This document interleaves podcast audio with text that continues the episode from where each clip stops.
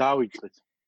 და დღეს რაღაცა ესეთი იდეა და დაიბადა, რომ რაზე ვისაუბროთ ცოტა, მე ვთქვი რომ მე ვისაუბროთ იდეალურ მოწყობაზე კაცობრიობის, როგორი იქნებოდა ჩვენთვის და ეს იდეა წამოვიდა იქიდან, რომ რაღაცა ფუტკრების ცხოვრება ცხოვრებით დავინტერესდი ბოლო დროს განსაკუთრებით, იმიტომ რომ მანამდეც ყოველთვის მაინტერესებდა, რომ ბაბუაჩემერი მე ფუტკრა და ძალიან დიდი დოზით მომეწოდება და მთელი ცხოვრება ფუტკრების შესახებ ინფორმაცია მინდოდა თუ არ მინდოდა.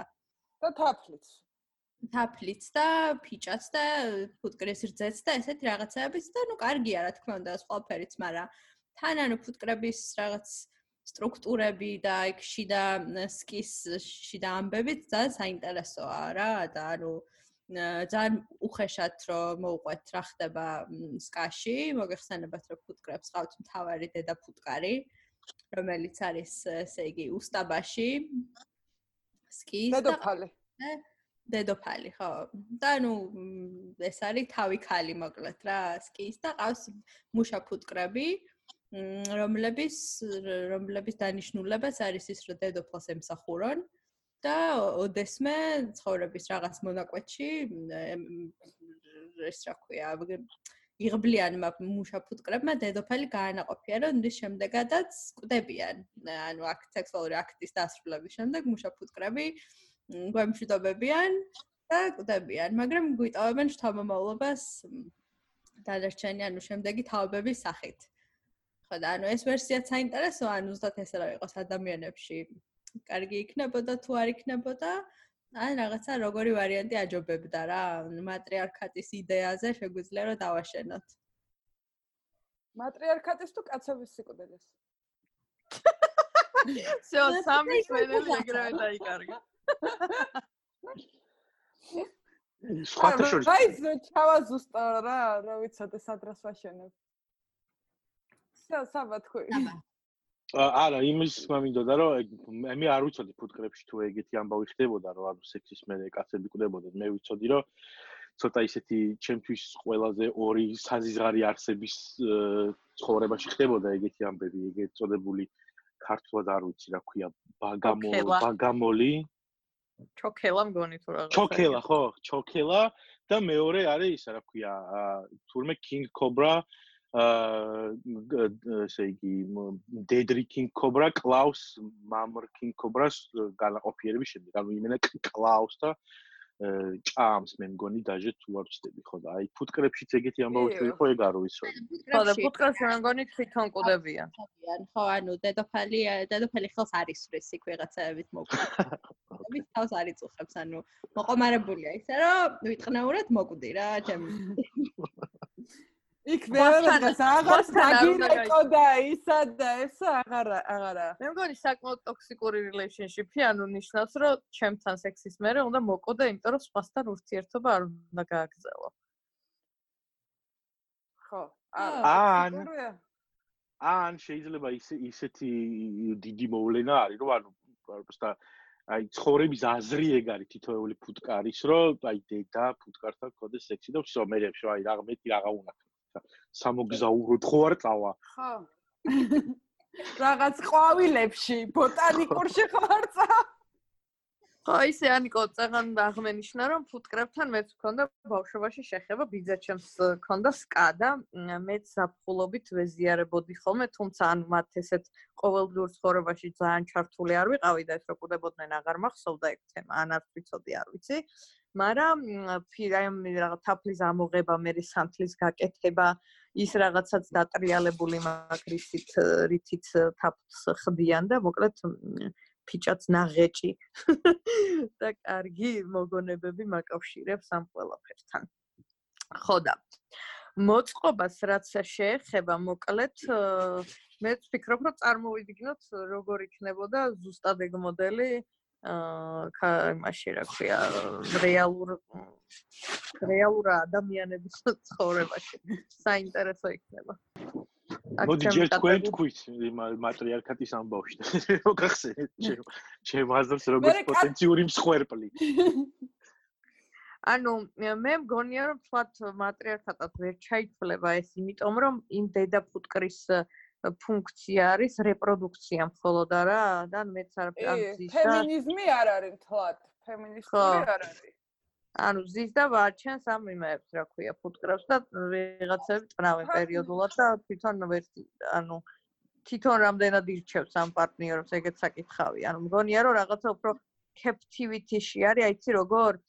მე მგონი ინდურ კულტურაში არის ესე, რომ აა ისინი რა ქვია, რაღაცა ბავშვებს დედო პრინცესებად თუ რაღაცად გამოაცხადებენ წმინდანებად და მეરે მოკლედ ეს ბავშვი რადგან რეინკარნირებული ეს რომელიღაცა პრინცესაა მეરે ანუ ყველაფერი ამ ზირგულ ტრიალებს რა და ცხოვრება ფაქტიურად არ აქვს ამ ბავშვებს რა რაღაც ხელით დაატარებენ ფეხი არ უნდა დადგან მიწაზე თუ რაღაც ეგეთებია ზუსტად არ მახსოვს რა ქვია მაგ მას რა ქვია რელიგიაც არ არის ამ რაღაცა მაგ იმას რა ხო და შესაბამისად სადღაც სადღაც მანდვე არის. ინდოეთში მე მგონი არ არის. ნიტო ხო შეიძლება ინდოეთი არ არის უფრო. ხო სადღაც მაგ მაგეთ არის და მახსოვს ხო რასაც შენ ამბობ უბრალოდ. მანდის აი ბავშვებს რაღაც გაზრდის საშუალება არ ეძლევათ დიდათ იმიტომ რომ ეს ღმერთის ეს რეინკარნაცია ბავშვია. და ანუ ეს ბავშვები რო იზრდებიან მე რაღაც აღარ ჯდებიან და თქვა ბავშვის სახეხატში. ხო ხო ხო. ხო და ნუ ყოველ ხო მე მგონი ტიბეტი არ ვიცი მოკლედ გეოგრაფიის დრილი არ ვიყავი. როგორც ხო და მგონია რომ რაღაცა ეგეთი ელფერი აქვს ამასაც რა ვითომ თითქოს ეს თავი ქალია მაგრამ სინამდვილეში მაინც არ აქვს ის ბენეფიტები რაც უნდა კონდეს ანუ თავის ფიქით რომ პარტნიორის არჩევა მაგის ვარიანტი არ აქვს. ფალი არჩევანი არ აქვს. საერთოდ უნდა პარტნიორი არ უნდა დედოფლობა უნდა არ უნდა ხო, იქნება და ლესბოსელი ფუტკარია, უნდა ბაკოდას მაინც. ხო. უნდა რომ იმსაუროს და ეს ხა ის მაგისტრატურაში ჩააბაროს და იქნებ იმსკაში არ უნდა და სხვა სკაში უნდა. ხო, იქნებ თავისი სკა უნდა. იქნებ პირიქით ვეგანი არ არის და პირიქით ხალხის ჭამა უნდა რა ვიცი და იმისი არ არის, ხო, პოლენის.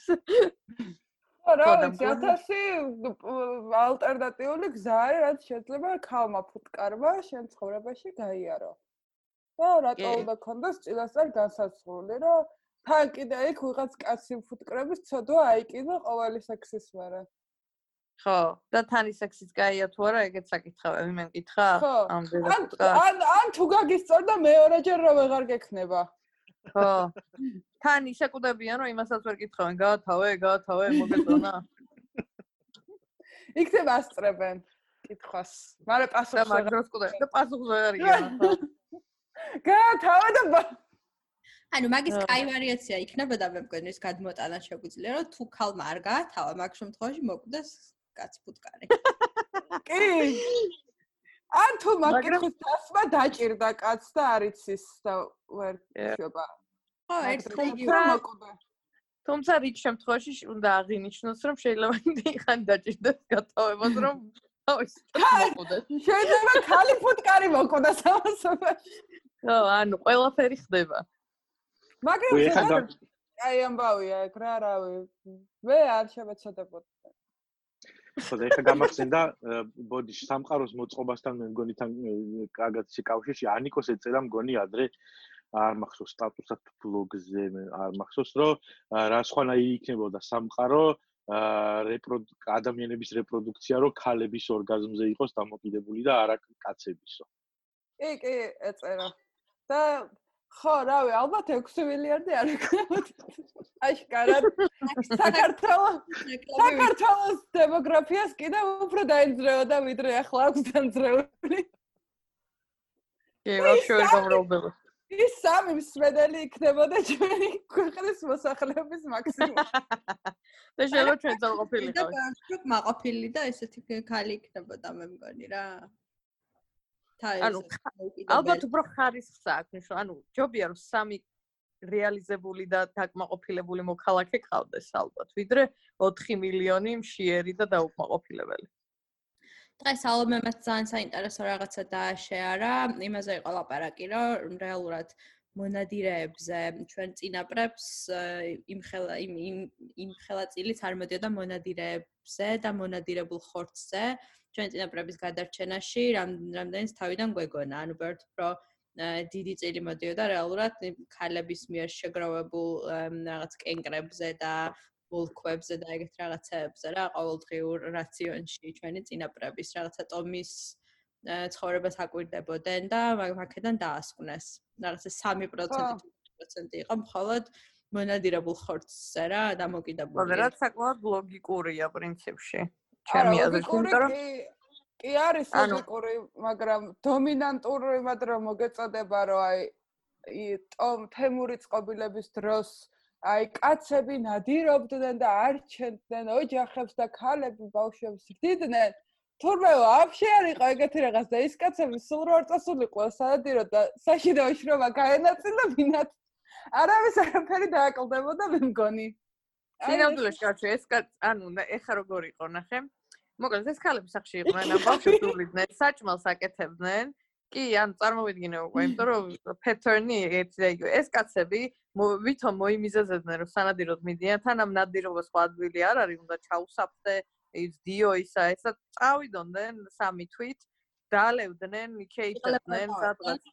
ტყაეტყეში მას იზავდნენ. რასაც დაიჭერდნენ იქ შეჭამდნენ და მე მოვიდოდნენ რომ აი რავი ერთი ყურდღელი ვიშო. უფ უფ მაგრა დავიღალეთ რა. ხო და რეალურად ანუ ნახე ისიც ანუ რატო არის ცოტა უცნაური ეხა რომ აქამდე ეგ ეჭვის ქვეშ არ დადგა იმიტომ რომ ეხა რა ზოფიქრობდი რომ მაგალითად იკლევდნენ ხო როგორც კლიტორს დიდხანს ვაგნებდით.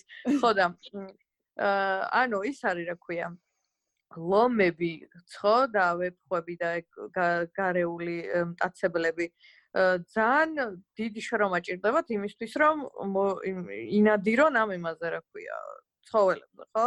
და ხშირ შემთხვევაში ანუ მთელი წელი შეიძლება მშიერი იყოს და მე რაღაც ერთხელ ჭამოს და მე კიდე 6 თვე არ ჭამოს. ხო და შესაბამისად თემურ წყობილებაში რაღაცა ისრებით და რაღაცა ყლეპროჭაღობით რანაირად იჭერდნენ ამ იმებს ქვია ანტილოპებს ან რაღაცა სტრაფ ცხოველებს, ანუ ცოტა ის არის რა, არარეალური არ არის? არის კი, რა ვიცი, სტრაფი არ ვიცი, შეიძლება ნეო ცხოველებს ეჭერდნენ მამონტებს ან რაღაცებს, მაგრამ ნუ მაინც არარეალურია. ანუ ნადირობაში მე მგონი ძალიან დიდი ნაწილი არის ზუსტად ეს რაღაცა ჩასაფრება, ჯერ რაღაცა შორიდან დაანახვა ისა რომ იმან ვერ დაგინახოს. მე რე ანუ ეს სტოკინგ რასაც ქვია რა ანუ ხო და პროცესია თქო მაგის თქვა მინდა რომ ფიზიკურად ვერ დაიჭერ მაგდენს რა ანუ ისეთი პროცესია რომ მართლა შეიძლება თვეობით წასულიყვნენ და იმას ქნათ რა ქვია ჩალიჩათ ამ იმაზე რა ხორცის მოპოვება. მათემატიკურად რო შეხედო, სავარაუდოდ ის დანახარჯი კალორიული რაც უნდა გაწიო იმისთვის, რომ ცხოველი მოინადირო, ხშირ შემთხვევაში ვერც უფრო დიდია, ვიდრე ის რაც რასაც ის მოგიტანს მე რეალურად იმისი ხორცი. აა. იდეაში ალბათ ეგეც ეგეც ამბობთ, რომ საფლის მეურნეობაზე გადავიდნენ ვიხვდე რომ რავი ამდენ სირბილს ასე დავოთ დიდირება რაღაცა გავაკეთე ხო და ის ეხა ეხა შემხვდა კაკას ანუ იმას რომ დაუბრუნდეთ ისე ვინ წინა თემას მაგრამ ცოტა სხვანაირად. ეს საოჯახო აქტივობებში რომ ხო. კარანტინში დასვენება ძალიან მომეწონა. არა საოჯახო საქმეებში რომ მართავენ ეგ მაინტერესებს აი ძალიან ანუ მეც მაინტერესებს ეგ რა არის ხო საუკეთესო მართავენ საუკეთესო შემთხვევაში ნაგვის გადაყრა არის და უარა შემთხვევაში ინტერნეტ ბანკით ნაგვის გადასახადეს გადახდა. სხვა ვერ არ მე მგონია რომ ხელოსანთან დარეკვა რა ხალხანი каранტინში? ეგ ძალიან ესეთი საქციელი არის. მან არ რეკავენ. ეს კაცები არ რეკავენ ხელოსანთან. ამბობენ, კი კი, ხვალ გავაკეთებ და სამი წლის მერე ის ნატურა ისევ ისე გამოსაცრელია. ხელოსანი რეკავს მასთან, აკვე ხელოსანთან და კაცი ვიღებს კარს და ეთლება რომ დაამენეჯა სამი. ხო და ნურა. მაგრამ ართა. რა არის ეს ანუ რა არის სამართავი ამდენი ვერ ვერ ხვდები რა ანუ რას მართ რა ბავშვებისთვის დრო აღარ რჩებათ? ამდენს რას მართავენ? ანუ აგინა ხო ეთამაშება როგორია ბურთი გაუგორა. უზი მაგას რო გადაწყვეტ რა არის აბა ხო ვერ გავიგე. პატარა კონტრიბუცია არის? რავი ახლა რა მოგვინდა? ქალებს სარეცხილან ქალა გვაქვს და ყველაფერი გვაქვს დავაჭირე. ხო, ეს კნოპკას დააჭირე. დააჭირე, რა გახდა? მე რა რო იატაკეს მოხეხო უნდა იმას დამენეჯებაო და რა გარეცხე, როგორ გარეცხე, სად გაფინო, რატო გაფინო? აა, მარა არა, კაცი უფრო დიდხანს მართავს. რაღაცას. მაინც ფილოსოფოსი ხალი რო ხარ, რა, რატო გაფინო რო შემოიტანე? წვიმას აპირებს თუ არა მაგის მიხედვით. ერთი ვარიანტი მაქვს რომ იქნებ საჭმლის აი დღეს რა ვჭამოთ ანუ აი მაგ საჭმლის არ არ არჩევა არის ერთ-ერთი გადაწყვეტილება ნიკომ რო არჩიოს ახლა. აი, ხო, მგონი არა. გადაწყვეტილების მიღება და ანუ თან არ ვიცი აი ანუ ესეთი საპასუხისმგებლო გადაწყვეტილებები არის რა ზოგადად რაც რა ვიცი შეიძლება წელიწადში ორჯერ დადგეს საჭიროება რომ ეგეთი გადაწყვეტილება მიიღო ბავშვი რომ სკოლაში შევიყვანოთ ან რაღაც ეგეთი. რომელი მაქსიმუმ- ვიყიდოთ. ხო. აა სხვათა შორის მე რამდენადაც ვიც ჩემი გამოცდილება რაც არის ანუ აი ეგ ტექნიკას კიდო კი ტექნიკის კიდვასაც კი არ წყვეტენ ხოლმე კაცები. არა, ხო, სამზარეულოს ტექნიკას არა. აი იმას, აი აი- ტელევიზორს და კომპიუტერს კი და სამზარეულოს ტექნიკას სარეცხი მანქანა გაზი და ის ახლა რასაც არ ჩართავს, რატო დახარჯოს გონებრივი რესურსი მაგაზე. ხო რატო რატო შეადაროს ეხა ის რომელი უფრო ნაკლები მას ხო, აი მეტი საქმე არა, კიდე რესურსი აკეთოს რა, არ რჩევდი, აგერ ჩვენიერი ფეხბურთი გადის ან რავი, რამე. ხო და იქნებ პროსტა ბიუჯეტის განსაზღვრაში არის, ანუ რა იტყვის, რომ აი 1500 ლარი გვაქვს და უნდა ვიყიდოთ ეს და მე ის ცოლი არჩევს. თუ არ არ ვიცი. რავი, ცოლიც იხდეს ხოლმე, რავი. ანუ რა მთელი კაცები სამსახური მთელი არის ის არის ხოლმე რომ აი ფულ ფულ ბევრი ფული მეხარჯება და ცოლი უნდა მოვიყვანო რომ დამამენეჯებინოს ანუ ეგ ეგ სტერეოტიპი ხო არის კაცებში და ე, ანუ ეგეც რა- ძალიან კაი. ხო და არა, ეგ- მე იმაზე ვამბობ, ეგ ეგეთი კაცები, რომლებიც ეგრე ამენეჯებენ, ანუ მე ეგ ეგ კონტექსტი უფრო არის, რომ რაღაცა ფული შემოაქვს და ის რაღაცა ისე უნება, რომ აჰა ეს იყიდე. ანუ ეგ ვივარაუდე თორე ხა ეგრე ხა ცოლის თუ მუშაობდა თანაბრად ინაწილებენ იმებს რომ მოვალეობებს და რა ვიცი დემოკრატია და თანასწორობა არც ეს ინფოგრაფი იქნება კაცო, ხო, მაგ მაგ ინფოგრაფიკში რა რაც წერია სამსახური ორივეს აქვს. ან ცოლსაც და კაცსაც. ცოლსაც და ანუ, პროსტა მაგის გარდა კიდე რა საქმეები აქვს თან.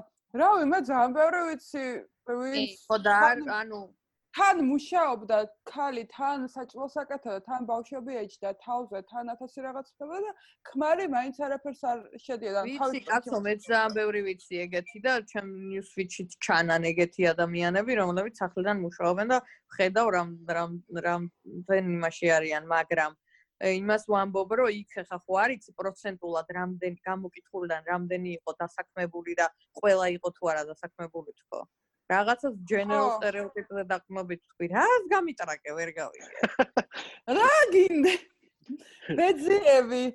უფრო რა სიღრმის ზეწიები ანუ ხო და ეგეთ კაც- ან არა. კაცები ცდილობ ეგეთი კაცების მენეჯმენტი დავა დიფაინო, იმიტომ რომ მეტი მართლა ვერ ხვდები რა არის დასამენეჯებელი, ეგ ანუ თუ თანასწორი ის არის რა, თანაბრად განაწილებული mutual ოჯახი, სადაც ერთმანეთთან ერთმანეთს ეკითხებიან რაღაც ეს ადამიანები. ხო და იცი რა მაინტერესებს, ანუ ეს საჭმლის ը, რა ჭამო იმ დღეს მაგის განსაზღვრა. ეგეც არ ვიცი რამდენად რელევანტ არის, იმიტომ რომ ხო ქალმა იცის რა აქვს სახში.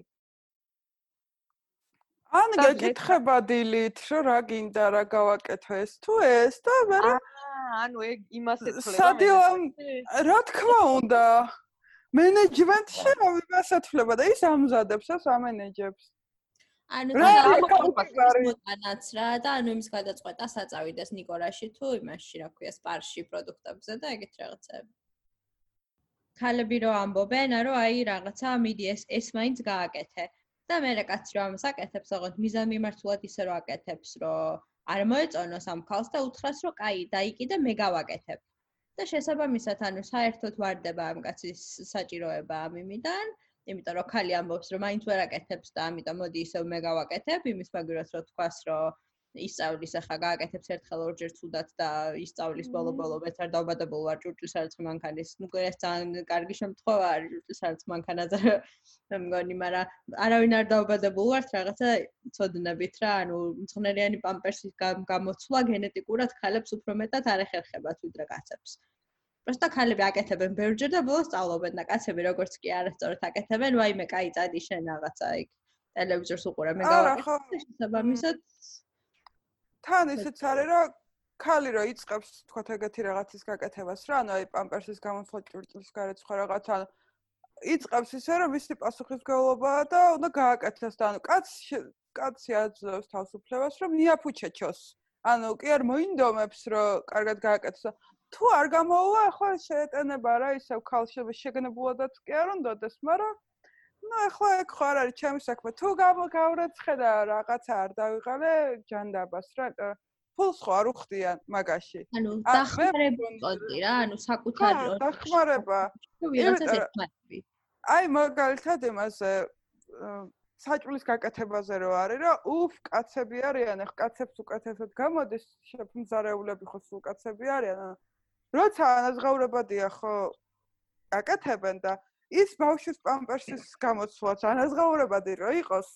ანუ ძალამაზად აღმოჩნდება რომ კაცებზე კარგად მძღნერია პამპერს ვერავინ არ ხსლის. ბავშვი დედამიწის ზურგზე. ანუ უფრო მაშინ ქალმა უნდა გააკეთოს სიასტად, მაგრამ თუ ანაზღაურებადი და თუ კაცზე კარგად აი რავი რა, აი ხორცი და მძღნერი მაინც კაცი საქმე. ხო და მოკლედ ეგ ჩარტიც ისეთია, ძალიან ბუნდოვანია. თან ჩემმა მეგობარმაც აღნიშნა და ცოტა ცუდად გაკეთებული ინფოგრაფია იმის ხარჯზე რომ რაღაცა ვითომ, ანუ იქ დასვენება თუ კარგად ვერ გაიაზრე, რომ აქეთ არ არის. შეიძლება რაღაც პონჩი გეგონოს, რომ ძალიან თანაბრადაა ყველაფერი გადაგა. აი ხოთ ხოთი რაღაც აქვს ჩავწერ. არა, კაი, იმედი მაქვს რომ ეს მე მგონი თვის ბოლოს იქნება მთლიანი რა. კვლევა არის საფუძველზეც ეს ინფოგრაფიკი გაკეთდა და ნუ იმედი მაქვს რომ უფრო აიხდება ფარდა რაღაცებს უკეთ და ინფოგრაფიკიც უფრო ისეთი იქნება. თვალსაჩინო რამდენჯერ ახმია და ყველაფერი ხო რასამობ იმის მერე იდეალურ სამყაროში ვარსებობთ რა. მეორე ისიც ხო იყო ბოლო დღეებში. კაცების ძალიან დიდი ნაწილი რო თulis რო აღმოჩნდა რომ ხალხ შეიძლება რომ უნდადეს რომ გააუპატიურონ. კი ანუ ეგ არ ვიცი. და პრეზერვატივი რო აქვს უწესო რო არის. კი. ეხლა რა თქმა უნდა ეს შემთხვევით დაფეხმძიმება არ ჯობია ხა ბოზი რო არ ეგონო ვიღაცას რა თქმა უნდა. ანუ ქმართან თუ პრეზერვატივი ითხოვე თუ რავი რა ქმართან სექსის დროს მაშინ მაშინ ხარ ბოზი ამის კი ზოგადად. აა მეტროს ჯიბიდან რომ ამოგივარ და ანუ მან ყველაზე გიდიოთ ეხა შენ ბოზიც რო იყო. და ამასობაში წლობით იმაში რა ქვია ბუმაჟნიკში ნადები პრეზერვატივი რო იმის თოკენი არის რომ ის adventurous და მონადირე კაცი ხარო რა იცი რა ხდება ეხა? ია ნიჩერო ნებისმიერ დროს წამოგეციოს. ე მე მგონია რომ მაგ როდის მოუნდება არ იცი გენაცვალე ხო და მე მგონია რომ მაგ ხო და მე მგონია რომ მაგის თავიდან ასოცირებლად ეგრევე ტანზე ეკეთოთ რა. ყოველ ან სახლიდან გამოდიხარ, ეგრევე ანუ პრეზერვატივი ტრუსიკი. მე მგონია ძალიან პრაქტიკულია. იმ ყლეურ სტარტაპების ორგანიზაციას უნდა მივმართოთ რამე რამე სპეციალური ტრუსიკები აწარმოოს ჩამონტაჟებული პრეზერვატივი. ხო და ისინი ხო არის რა ქვია, ანუ სტრიპერებს რო აციათ ეს სოკები რა? ვერძე გადაწეული რო არის? ანუ ზუსტად აღარ მახსოვს. აა, რეზინებით რო მაგრდება? ხო, რაღაცა ეგეთი რო კაროჩე რა. ხო და მგონი რომ ან ფხრიწზე რო იყოს.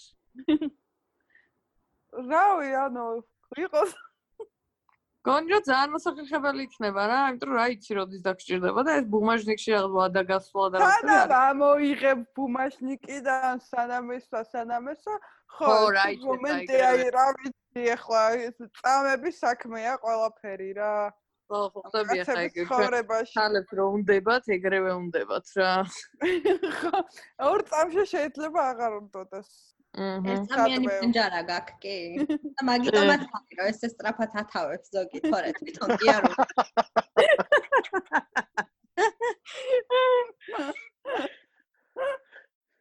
ჩემი ყველაზე საყვარელი ისტორია არის, რა თქმა უნდა, დეტალებს და ეს რაღაცებს არ ვიტყვი, მაგრამ ჩემ ერთ მეგობარს ჰქონდა სექსი ვიღაც ტიპთან, რომელმაც ვაგინა ვერ იპოვა.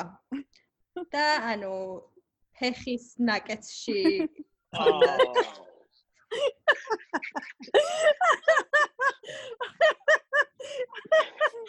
აი, მეგობარი, ყვებოდა რომ ანუ პროსტა ვერც კი შეუსწორებდა რომ ანუ აი საიდან აი რომელ მონაკვეთში ანუ ჯერ შენ თვითონ ხვდები რომ ჰმ მე მგონი ცოტა რაღაცა. სხვა ანუ რაღაცა ვერ ვერ აღვიქვი ანუ რა მოიცადეთ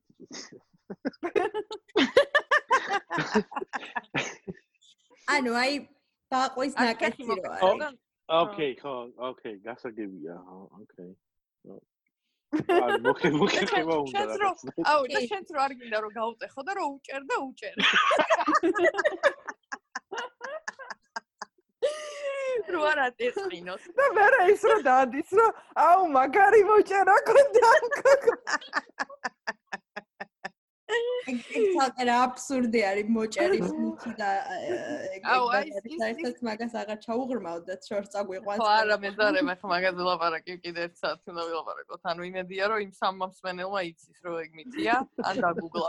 თუ რომ მე მეორე სეზონში. ხო ან თუ რამე PM-ს მოგწეროს და მოვუყვებით. და ის ის მაგაზე გამახსენდა ის ქალი რო არის ათლეტი. მე ბაყვებით რომ საზამთროებს ხეთქავს აი მაგასთან რო ეგ ეგ შემთხვევა მოგივიდეს ალბათ ანუ გამოლზე უკეთესად არ დაასრულებს ხოლმე ეგ ხო არ არის. იქნებ ჩემ მეგობარი ანუ სმენელს რო სასპენსი დავდოთ იქნებ ეგ არის ჩემ მეგობარი მეგობრის ეს რა ქვია background story რა რო ანუ მაგის მაგასაც რო ბაყვები საზამთროების ხეთქვაზე გადასულიყო ყოველი შემთხვევისთვის. აჰა. კომპეტიტივ ბაყვინგი ხო და ის მაგაზე ის ის რა ქვია იმას ბუმაჟიკში ჩადებული რეზერვატი რო სინამდვილეში იმას ანუ ყველა ეხა ეხა რაღაცნაირად ეხა გავაანალიზე უცებ არა და ხო იმას აღნიშნავს რეალურად რომ ესე იგი სექსი არ გაქვს. ანუ ხო მაგის თოკენია ანუ რეალურად ესეთ კი! ხო ან ან ან ვიცი ყოველ დღე ცლი ხო დოლარიანი რო იდეალურ აუ აუ ნაიკი დოლარიანი რო და ფულს რო იზიდავს ეგეთ პონჩი რა უმაჟდიქს თუ გიზიდა გიდევს რა ქვია პრეზერვატი გიზიდა. ეს კალები რო ყავს მიწეპებული უმაჟდიქს ეგ და აქს ეფექტი არის თურმე აი ძალიან სერიოზული ო. უჰუ ერთხელ პრეზერვატის რა დაასხა და ვაფშე ესეთი ეფექტი აქვს რომ ეღარ მოიცილებ ვაფშე რა ხო და კი ალბათ ის მართალი ხარ ხო იმიტომ რომ ანუ აქტიურად ვისაც სექსი აქვს მე მგონი რომ походу ერთი პრეზერვატივი არ ყოფნის ხოლმე ხო იმიტომ რომ ეხა გადა ეხა გადა გადავხედე ჩემს არ სულ გამახსენდა რომ ჯიბეში ხო არიული ხო და გამახსენდა მაგ გამახსენდა რომ აი როცა ბუმაჟნიკი დამქონდა ხოლმე პრეზერვატივი სექსი არ მქონდა იმიტომ რომ მქონდა აშკარა სადაც საჭირო იყო იქ იქ ხოლმე. საჭირო იქ თილის მასავით არის რა. ხო. და გაიხურე და ჩამოიქეთ ხო. და შეგდით ისინი რა ქვია სექსის ლოცვანი ქალები დაგეხვევიან ფუტკრებივით. ახეთ როგორ გადავლინე? დედა ფუტკრები დაგეხვევენ დედას მოგიწრან. ყდარსად მოგწრა. სასროლებს დადგება. ერთთან სექსი რო გექნებოდა მოკვდები, მე რა ყდარსად მოგწნავე. იმიტომ რომ ბევრი. იუ, იუ. Too far. ისე შეიცხადა რომ ძალიან რეალური იყო ყველა ფუტკარი რომ იმას არ ვიცი. თაბა რაღაც საერთო ჩუმად არის და არა, ეხლა იმაზე გადავედი გვერდით Facebook-ს შევხედე და ეხლა ეგრევე ამომივიდა ერთი ნიუსი რომელიც ფათაშორის ის არის კრის დეილი არის ეგეთი სტენდაპ კომიკოსი არ ვიცი ხსმენია თუ არა ანუ ძალიან საშინელი კომიკოსია მაგრამ არ მევასება რა ერთ-ერთი ყველაზე უნიჭო კომიკოსი მგონია, მაგრამ ნუ ძალიან წარმატებული არის აქ და ზოგადად თავის სფეროში და ესე აღმოჩნდა, რომ გაუბაძდა, რომ რაღაც sexual misconduct-ში დაზდის ბრალი გუშინ თუ გუშინ თუ ეს თეები მაგ სკანდალია და არ არ გამიკვირდა მინდა ძალიან გამიხარდა, იმიტომ რომ აი პროსტა არაფერს პირველად არაფერს არ მაგარი ხალე კომედია. რა გაგი ძალიან გამიხარდა რომ დედა მოეწყა. ეგ გამიხარდა რომ ის კარიერა, მისი კარიერა ჩავარდა. და ის ბოროტი ადამიანი ვარ და უბრალოდ ეგ მინდოდა რომ გამეზიარებინა თქვენ. არ გამიკვირდა ეს, ანუ რაღაცა ერთი ბიტი არის, რაც მაგის მომწონს მე Netflix-ზე. მომწონს რა გამეცინა და მე არც მახსოვს. მე Netflix-ზე ჩავრთე და ნახევარს იქით ვეღარ უყურე მომბეზდა და აღარც მიბრუნებულ ვარ. რაღაც რო ტიპაჟია სასაცილო კომიკური. თორე იუმორი რო განსაკუთრებით რაღაც მიმიკები და რაღაცეები აქვს და ლაპარაკის მანერა თორე. აი კარგი უბანში რო ტიპები დადგებოდნენ ხოლმე და სასაცილო ამბებს ყვებოდნენ ხოლმე აი ეგეთი ტიპია რა და ამ ამ ამ ადამიანს ეს რაღაც 40 მილიონს უხდი და Netflix-ის სპეშალებში და შურდა რა თქმა უნდა რამდენს?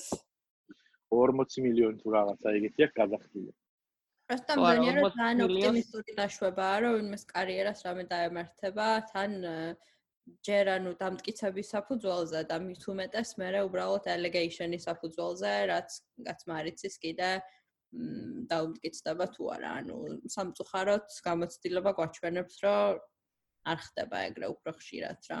და მაინც გრძელდება მათი კარიერა რაღაც ფორმით მაინც. ხო, პლან ანუ შეიძლება 20 მილიონი ქონდეს გაჩნია რა დაუმტკიცდება რატო აგერ ჰარვი ხო ზის. ნუ ჰარვი იმენა ყველა მიცო დედამის მაციცოდა რომ ყლე არის და ჰარვი ეს შორის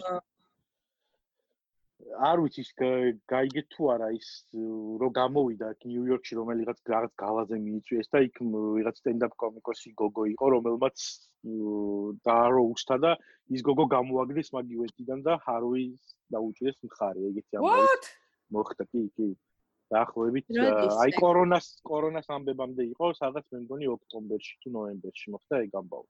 სანამ დაიჭერდნენ არა მე მგონი რაღაც ბეილით იყო გამოსული სანამ მიუსჯიდან მგონი მაგ მაგ მაგ ის იყო და ივენტზე გამოუშვა ივენტი იყო ივენტი იყო ეს რა ქვია ახალგაზრდა მსახიობების ხელშეწყობის თუ რაღაც აი სრული პიზდეცია განაირად დაუშვეს ეგ ტიპი რომ მანდ იყო არ ვიცი და ეს გოგო გამოდიოდა და ამას დაინახა არ ვიცი არ ვიცი აინშტაინი რო იჯდა იქ დაიწყო ამაზე ის რა ქვია ძალიან ისეთი რეიპ ჯოუკები გაუშვა, ოღონდ ნუ ანტი რეიპ ჯოუკები და ბუინგი გაუკეთეს ამ გოგოს და გამოაგდეს ივენთიდან და ჰარვის დაუჭირეს მხარი ეგეთი ის იყო. ეგეთი ამბავიც ისა. ხო და ამ კრის დალიაზე ის გამახსენდა არ ვიცი პი დეივიდსონის სპეშალი თუ ნახეთ ან ზოგადად მაგიყვება ხოლმე როგორ გაუხარდა ლუი ლუის რო სექსუალ მისკონდაქტი დაუმტკიცდა იმიტომ რომ ერთხელ კინაღამ თურმე გამოაგდებინა ხო, მაგის გამო. აა, არ მინახავს. არა, ეგ სანახავის სიმაში მაქვს, ხო? King of Staten Island, ხო, მე მგონი. ეგ ფილმია, მაგრამ მანამდე ის stand-up special იყო Netflix. აა, მაქვს. საკებია. ვიდეოიცონი მე მე მე ვასება იმ პონჩი რომ ანუ ძალიან ნიკ ანუ რაღაცა გენიალური ჯოუკების ის არა აქვს, მაგრამ he's a funny guy. ხო, he's a funny guy. და თან ეს ანუ რაღაცნაირი თვით კრიტიკული ის რო აქვს იმორი, ოღონდ თან რაღაცა ისე ისეთი არ არის რა, ანუ self deprivatory არ არის რა, რაღაცნაირად კარგად შვება, არ ვიცი, მოკლედ. ხო, self deprivatory თვითონ არის პერსონა, შეხედა. ხო, ხო, ხო, და ანუ თან ისეთ კონტექსტთან სულ წარმოდგენას არ აქვს თავის თავზე თუ რაღაცა რა ან რაღაცა კარგად შვება არ ვიცი მოკლედ მე საფეწოს მეტყობს მაგიტო აი იმეყლევარს ან ზირთად არ არის ხოლმე სასაცილო რა რაღაცნაირად რო ხვდები რომ იმედა ადამიანი ცერდიანია ამისგან ცდილობს რომ თავის თავზე იცინოს. ხო და მ ისე კაი დროჟა ხო და კრიზდელია ხო არა 40 მილიონს ნამდვილად არ გადავხვდიდი იდეალურ სამყაროში ეცოდინებოდა თავისი ადგილი კომიკოსებს და 40 მილიონს არავინ არ გადაუხდი და არაფერში. კი, კაი ის არის. და იდეალურ სამყაროში თუ აჰარასებ შეიძლება რომ ეგრევე რაღაცა ის არა, არა, ხლე გძრებოდეს. იდეალურ სამყაროში არა აჰარასებ. შესახო? ვაფშე. სუსუ ზიმეშ მივიდე. არა, იდეალურ ყოფაში. ა? რაზე? ანუ მე მგონია რომ რაღაც საინტერესო თემაა ზოგადად ეს cancel culture როგორც ფენომენი, იმიტომ რომ რეალურად ანუ რაღაც არაფერ არანაირ შედეგს როგორც წესი არ იწვევს ხოლმე რა, ძალიან ხშირად. ანუ უბრალოდ არ წყდება ამბავი, Twitter-ზე ვიღაცას გადაუვლიან და რაღაცა დრო გადის და ყველაფერი უბრუნდება ისევ ძველ ნორმას. და ანუ მე მგონი რაღაცა ზოგადად იმაზეც უნდა ვილაპარაკოთ, რომ ერთი მიქარვით საბოლოოდ ალბათ ადამიანებს ხაზი არ უნდა გადაუსვათ და ანუ იმაზეც უნდა დავწავოთ სალაპარაკოთ ადგილი, რომ აი კაი შეყლა გამოვდექი ვთქვათ, ხო? თუდად მოვიქეცი. მე როგორ შეიძლება ამ ადამიანებთან რაღაცნაირად კომუნიკაცია და ამ ადამიანების რეაბილიტაცია, ასე ვთქვათ, საზოგადოებაში, ან თუ შეიძლება საერთოდ. მე ძალიან მომწონდა ის იდეა, რომ ისე რა ქვია, ანუ უნდა გააგრძელოს თუ არა, აი მან რა ქვია, კევინ სპეისი მოისაო რა და ეს მისი ფილმების მონაწილეობით აქვს მისი ამოჭრა რაღაცეებიდან და რაღაცა მეც მგონია რომ არ სწორია და კარგი პოინტი იყო რომ ანუ გააგრძელოს მუშაობა ოღონდ იმ კოზ ზუსტად რის გამოც აა ის გახდა ამ იმის რა ქვია ბეკლეშის ბეკლეშ დაიმსახურა მაგ კოზისში გადარიცხოს ხოლმე ის ფული რა რასაც გამოიმუშავებს. რაც საკმაოდ კარგი რეაბილიტაციის ის მეჩვენება.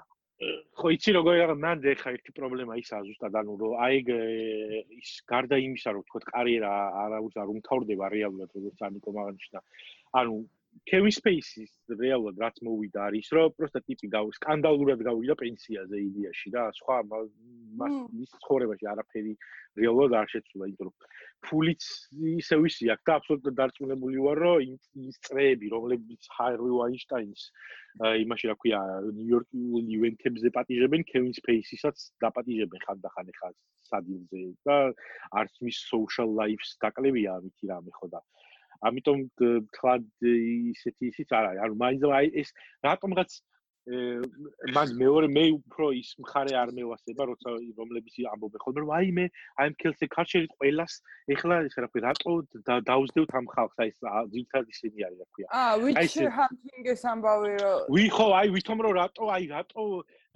შევეცით ამ ხალხს და რა მოხდა და ის რა ქვია. ეგ ის ხალხია რომელიც რეალურად რეალურად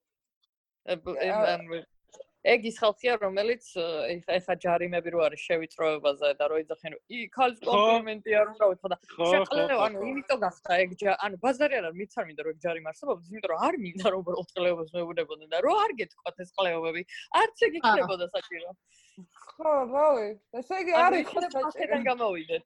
და არა იქიდან რომ ეხლა არა ზოგადად არ ანუ კი ანუ ფაქტია, რომ სექსუალური იმითი რა ქვია, ნიშნით ხდება ეგ ეგეთი დისკრიმინაცია და მაგიტომ მოიტანა საჭიროება ეგეთმა გამოყოფილმა კანონმა და არა ის.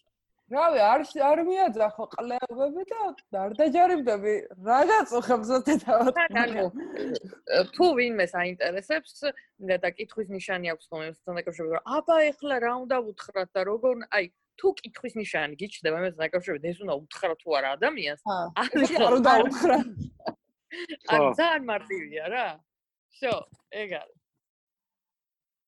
ჰმმ ხო და საბა რაღაცა სამბო განაგზე არა ხო და იმას ვამბობდი რომ ეს ეს cancel culture is ეს exit ეს რა ქვია გაზვიადება ანუ იქით ამხდა რა უფრო ეს იდეაში თითქოს ალტრაით სასტავის რომ აი ეხა ყველა იმას გვიშვება რომ ვიღაცა რაღაცა გააკეთა და არიქა კარიერა დაგვენდა. და სინამდვილეში არავის კარიერა ხო არ ინგრევა რეალურად ანუ აა ისა პროსტა ვიღაცა და ერთი ორი ადამიანი შეიძლება გაიხსენო რომ თქვა ვისაც ვისაც რაღაც მithom შედეგი დაემართა რომ ანუ ის ხო რომ ეს SNL-ის writer-ად რო აიყვანეს ტიპი და მეორე დღეს რო გამოაგდეს სამსახურიდან იმიტომ რომ რასისტულ რაღაცებს ამბობდა და თქვა მეორე ის არის რომ ლუის ლუი ვითომ ლუის კარიერა ვითომ დაინგრა და სინამდვილეში ეგეც პროსტა რავი ხა დადის და ტურზე არის მაგალითად ხო? აი ხა ამ წუთას და ანუ არა რეალურად არაფერი არავის იმაში არაფერი არ იცლება და ეს წუთუნი მესმის ხოლმე ხშირად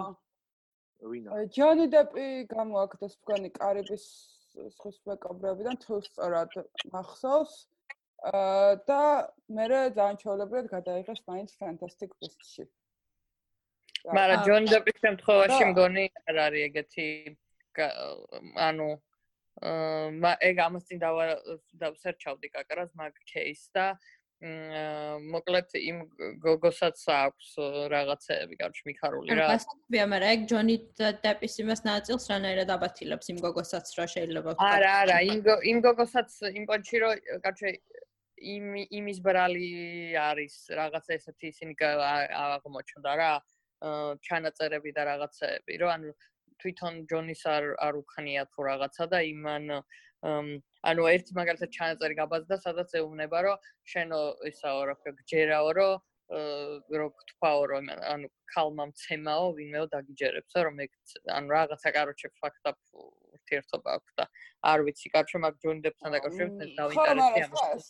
სანამ ეგ ბაზრები წამოვიდა და რაღაცა ნიტო არის და ჩაოლებრივად იყო დადანაშაულებული და ფულიც დაეკისრა ჯარიმა და რაღაც მთელი ამბები და ყველა შეთანხმებული იყო რომ დამნაშავე ამ кейსში ცემდა ცოლს. მაინც არ ქონდა დიდი პრობლემა ანუ კაი კარიბიდან გამოაჯმევინეს მაგრამ სხვაგან შეაჯმევინეს ანუ დიდი კატასტროფა არ განუცდია ეგეთი. ანუ რეალურად ეს თვითონ განეცადა როშია და უდი ალენი არ დავივიწყოთ. Ну ეგ მე კლასიკა არის ეგ ეტალონად შევა იმაში კაცი ვაფშე არ ვიცი კაროჩა რომან პოლანსკი ასევე თუ შეიძლება. ხო ეგეც ვაფშე გამოვყლევდი წელს. ხო და პროსტა ის არა ქვია.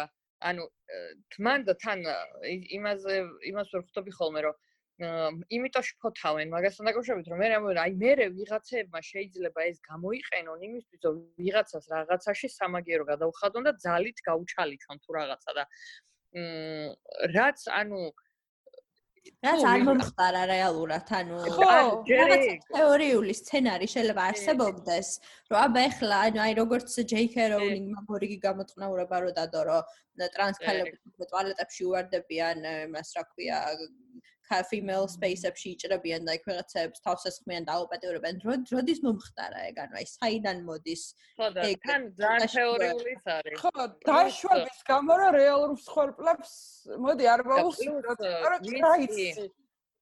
ხო და თან პლუს ვინც კი ყოფილა ანუ ეგეთ პოზიციაში იმდენად სტრესული და მძიმე არის მაგ ყველაფრის ესე გარეთ გამოტანა რომ ანუ მართლა რა უნდა გიღիր, იმიტომ რომ იმდენი ნაგავი მე იმ ადამიანების მიმართაც მოდის, ვინც ბედავს და ხმას იღებს რა რაღაცასთან დაკავშირებით, რომ პროსტა ძალიან ანუ რაღაცნაირი ინფანტილური, არ ვიცი, არგუმენტია თუ რაღაცა რა, რომ თქვა რომ აი ეხლა მე მაგას გამოიყენებენ თუ რაღაც. ხო და იქნება რო არ შვებოდეთ მაგას ადამიანები და ნუ ძირითადად კაცები იქნება ანუ არც პროვოცირების ის იყოს რა ანუ თუ მის კონტაქტის შანს ტოვებ უკვეყლეობა ან როგორც მანამდე აღნიშნე თუ კითხვა გიჩნდება იმასთან დაკავშირებით უნდა თუ არა უთხრა რაღაც ადამიანს და თუ მის კონტაქტის პატარა შეგრძნება გაქვს არ უნდა ქნა всё და რაღაც არავინ არ დაგადანაშაულებს რა ხო, ანუ არ იყო ყლე და არავინ არ გერჩის. ხო, ანუ მართლა. თან ანუ რა არ მესმის, იცი რომ ის ის ადამიანები რო შფოთავენ, რომლებიც იდეაში არ უნდა შფოთავდნენ, იმიტომ რომ არავის არ გონია რომ საშფოთი აქვს რა და მე რო მაღაზე ვარდები, უფრო ეკეპარება იმაში რომ ეს თუ ამაზე ავარდა და ეს აწუხებს ხო არა აქვს ამასთან დაკავშირებით პრობლემა. და ანუ კარჩე უფრო ლუსტრირებას უკეთებენ თავის მ არ ვიცი რა დავარქვა რას. ხო და ეხლა ბარიმ გეტყვით რომ ბარიმ გეტყვით რომ ესე იგი ზუმი მან მანიშნებს რომ 5 წუთი დაგვრჩა ამ სესიაზე. და ესე იგი ბარიმ ესე იგი დავიდეთ დასასრულისკენ და აი მაგ ეხლა მე ეს ამ ამ ამ თემასთან დაკავშირებით ამ cancel culture-თან დაკავშირებით რასიზმის ამბავსაც შემოვიდა, იმიტომ რომ ერთმანეთთან კავშირში არის და აზის ანსარის აა ეს ახალი სპეციალი იყო, სადაც დასაწყისში ამბობს ძალიან კარგ რაღაცას, რომ აი ეს ეს აპუო სიმფსონებშიო აპურო რასისტი არისო ეგ იმიტომ კი არ გახტაო რომ რასისტიო რომ ჩემმა თეთრკანიანმა მეგობარმა უცებ აღმოაჩინა რომ ვოუკის დროს აპუს აპუს პერსონაჟი რასისტი არის ეგ ყოველთვის რასისტი იყო მთელი ჩემი ბავშვობის განმავლობაშიო და მთელი ჩემი ცხოვრება რასაც უყურებდიო უბრალოდ ეხლა ჩემს ხალხს და იმ ადამიანებს ვისაც აწუხებს ეს რასიზმი გაუცდათ პლატფორმა სადაც ამ თემაზე ლაპარაკობენ. ხო და ეს ეს ამბავი არის აქ გასათვალისწინებელი სამკენსელ ქარშილზე და ვითომ აუ ეხლა ეს რა ქვია.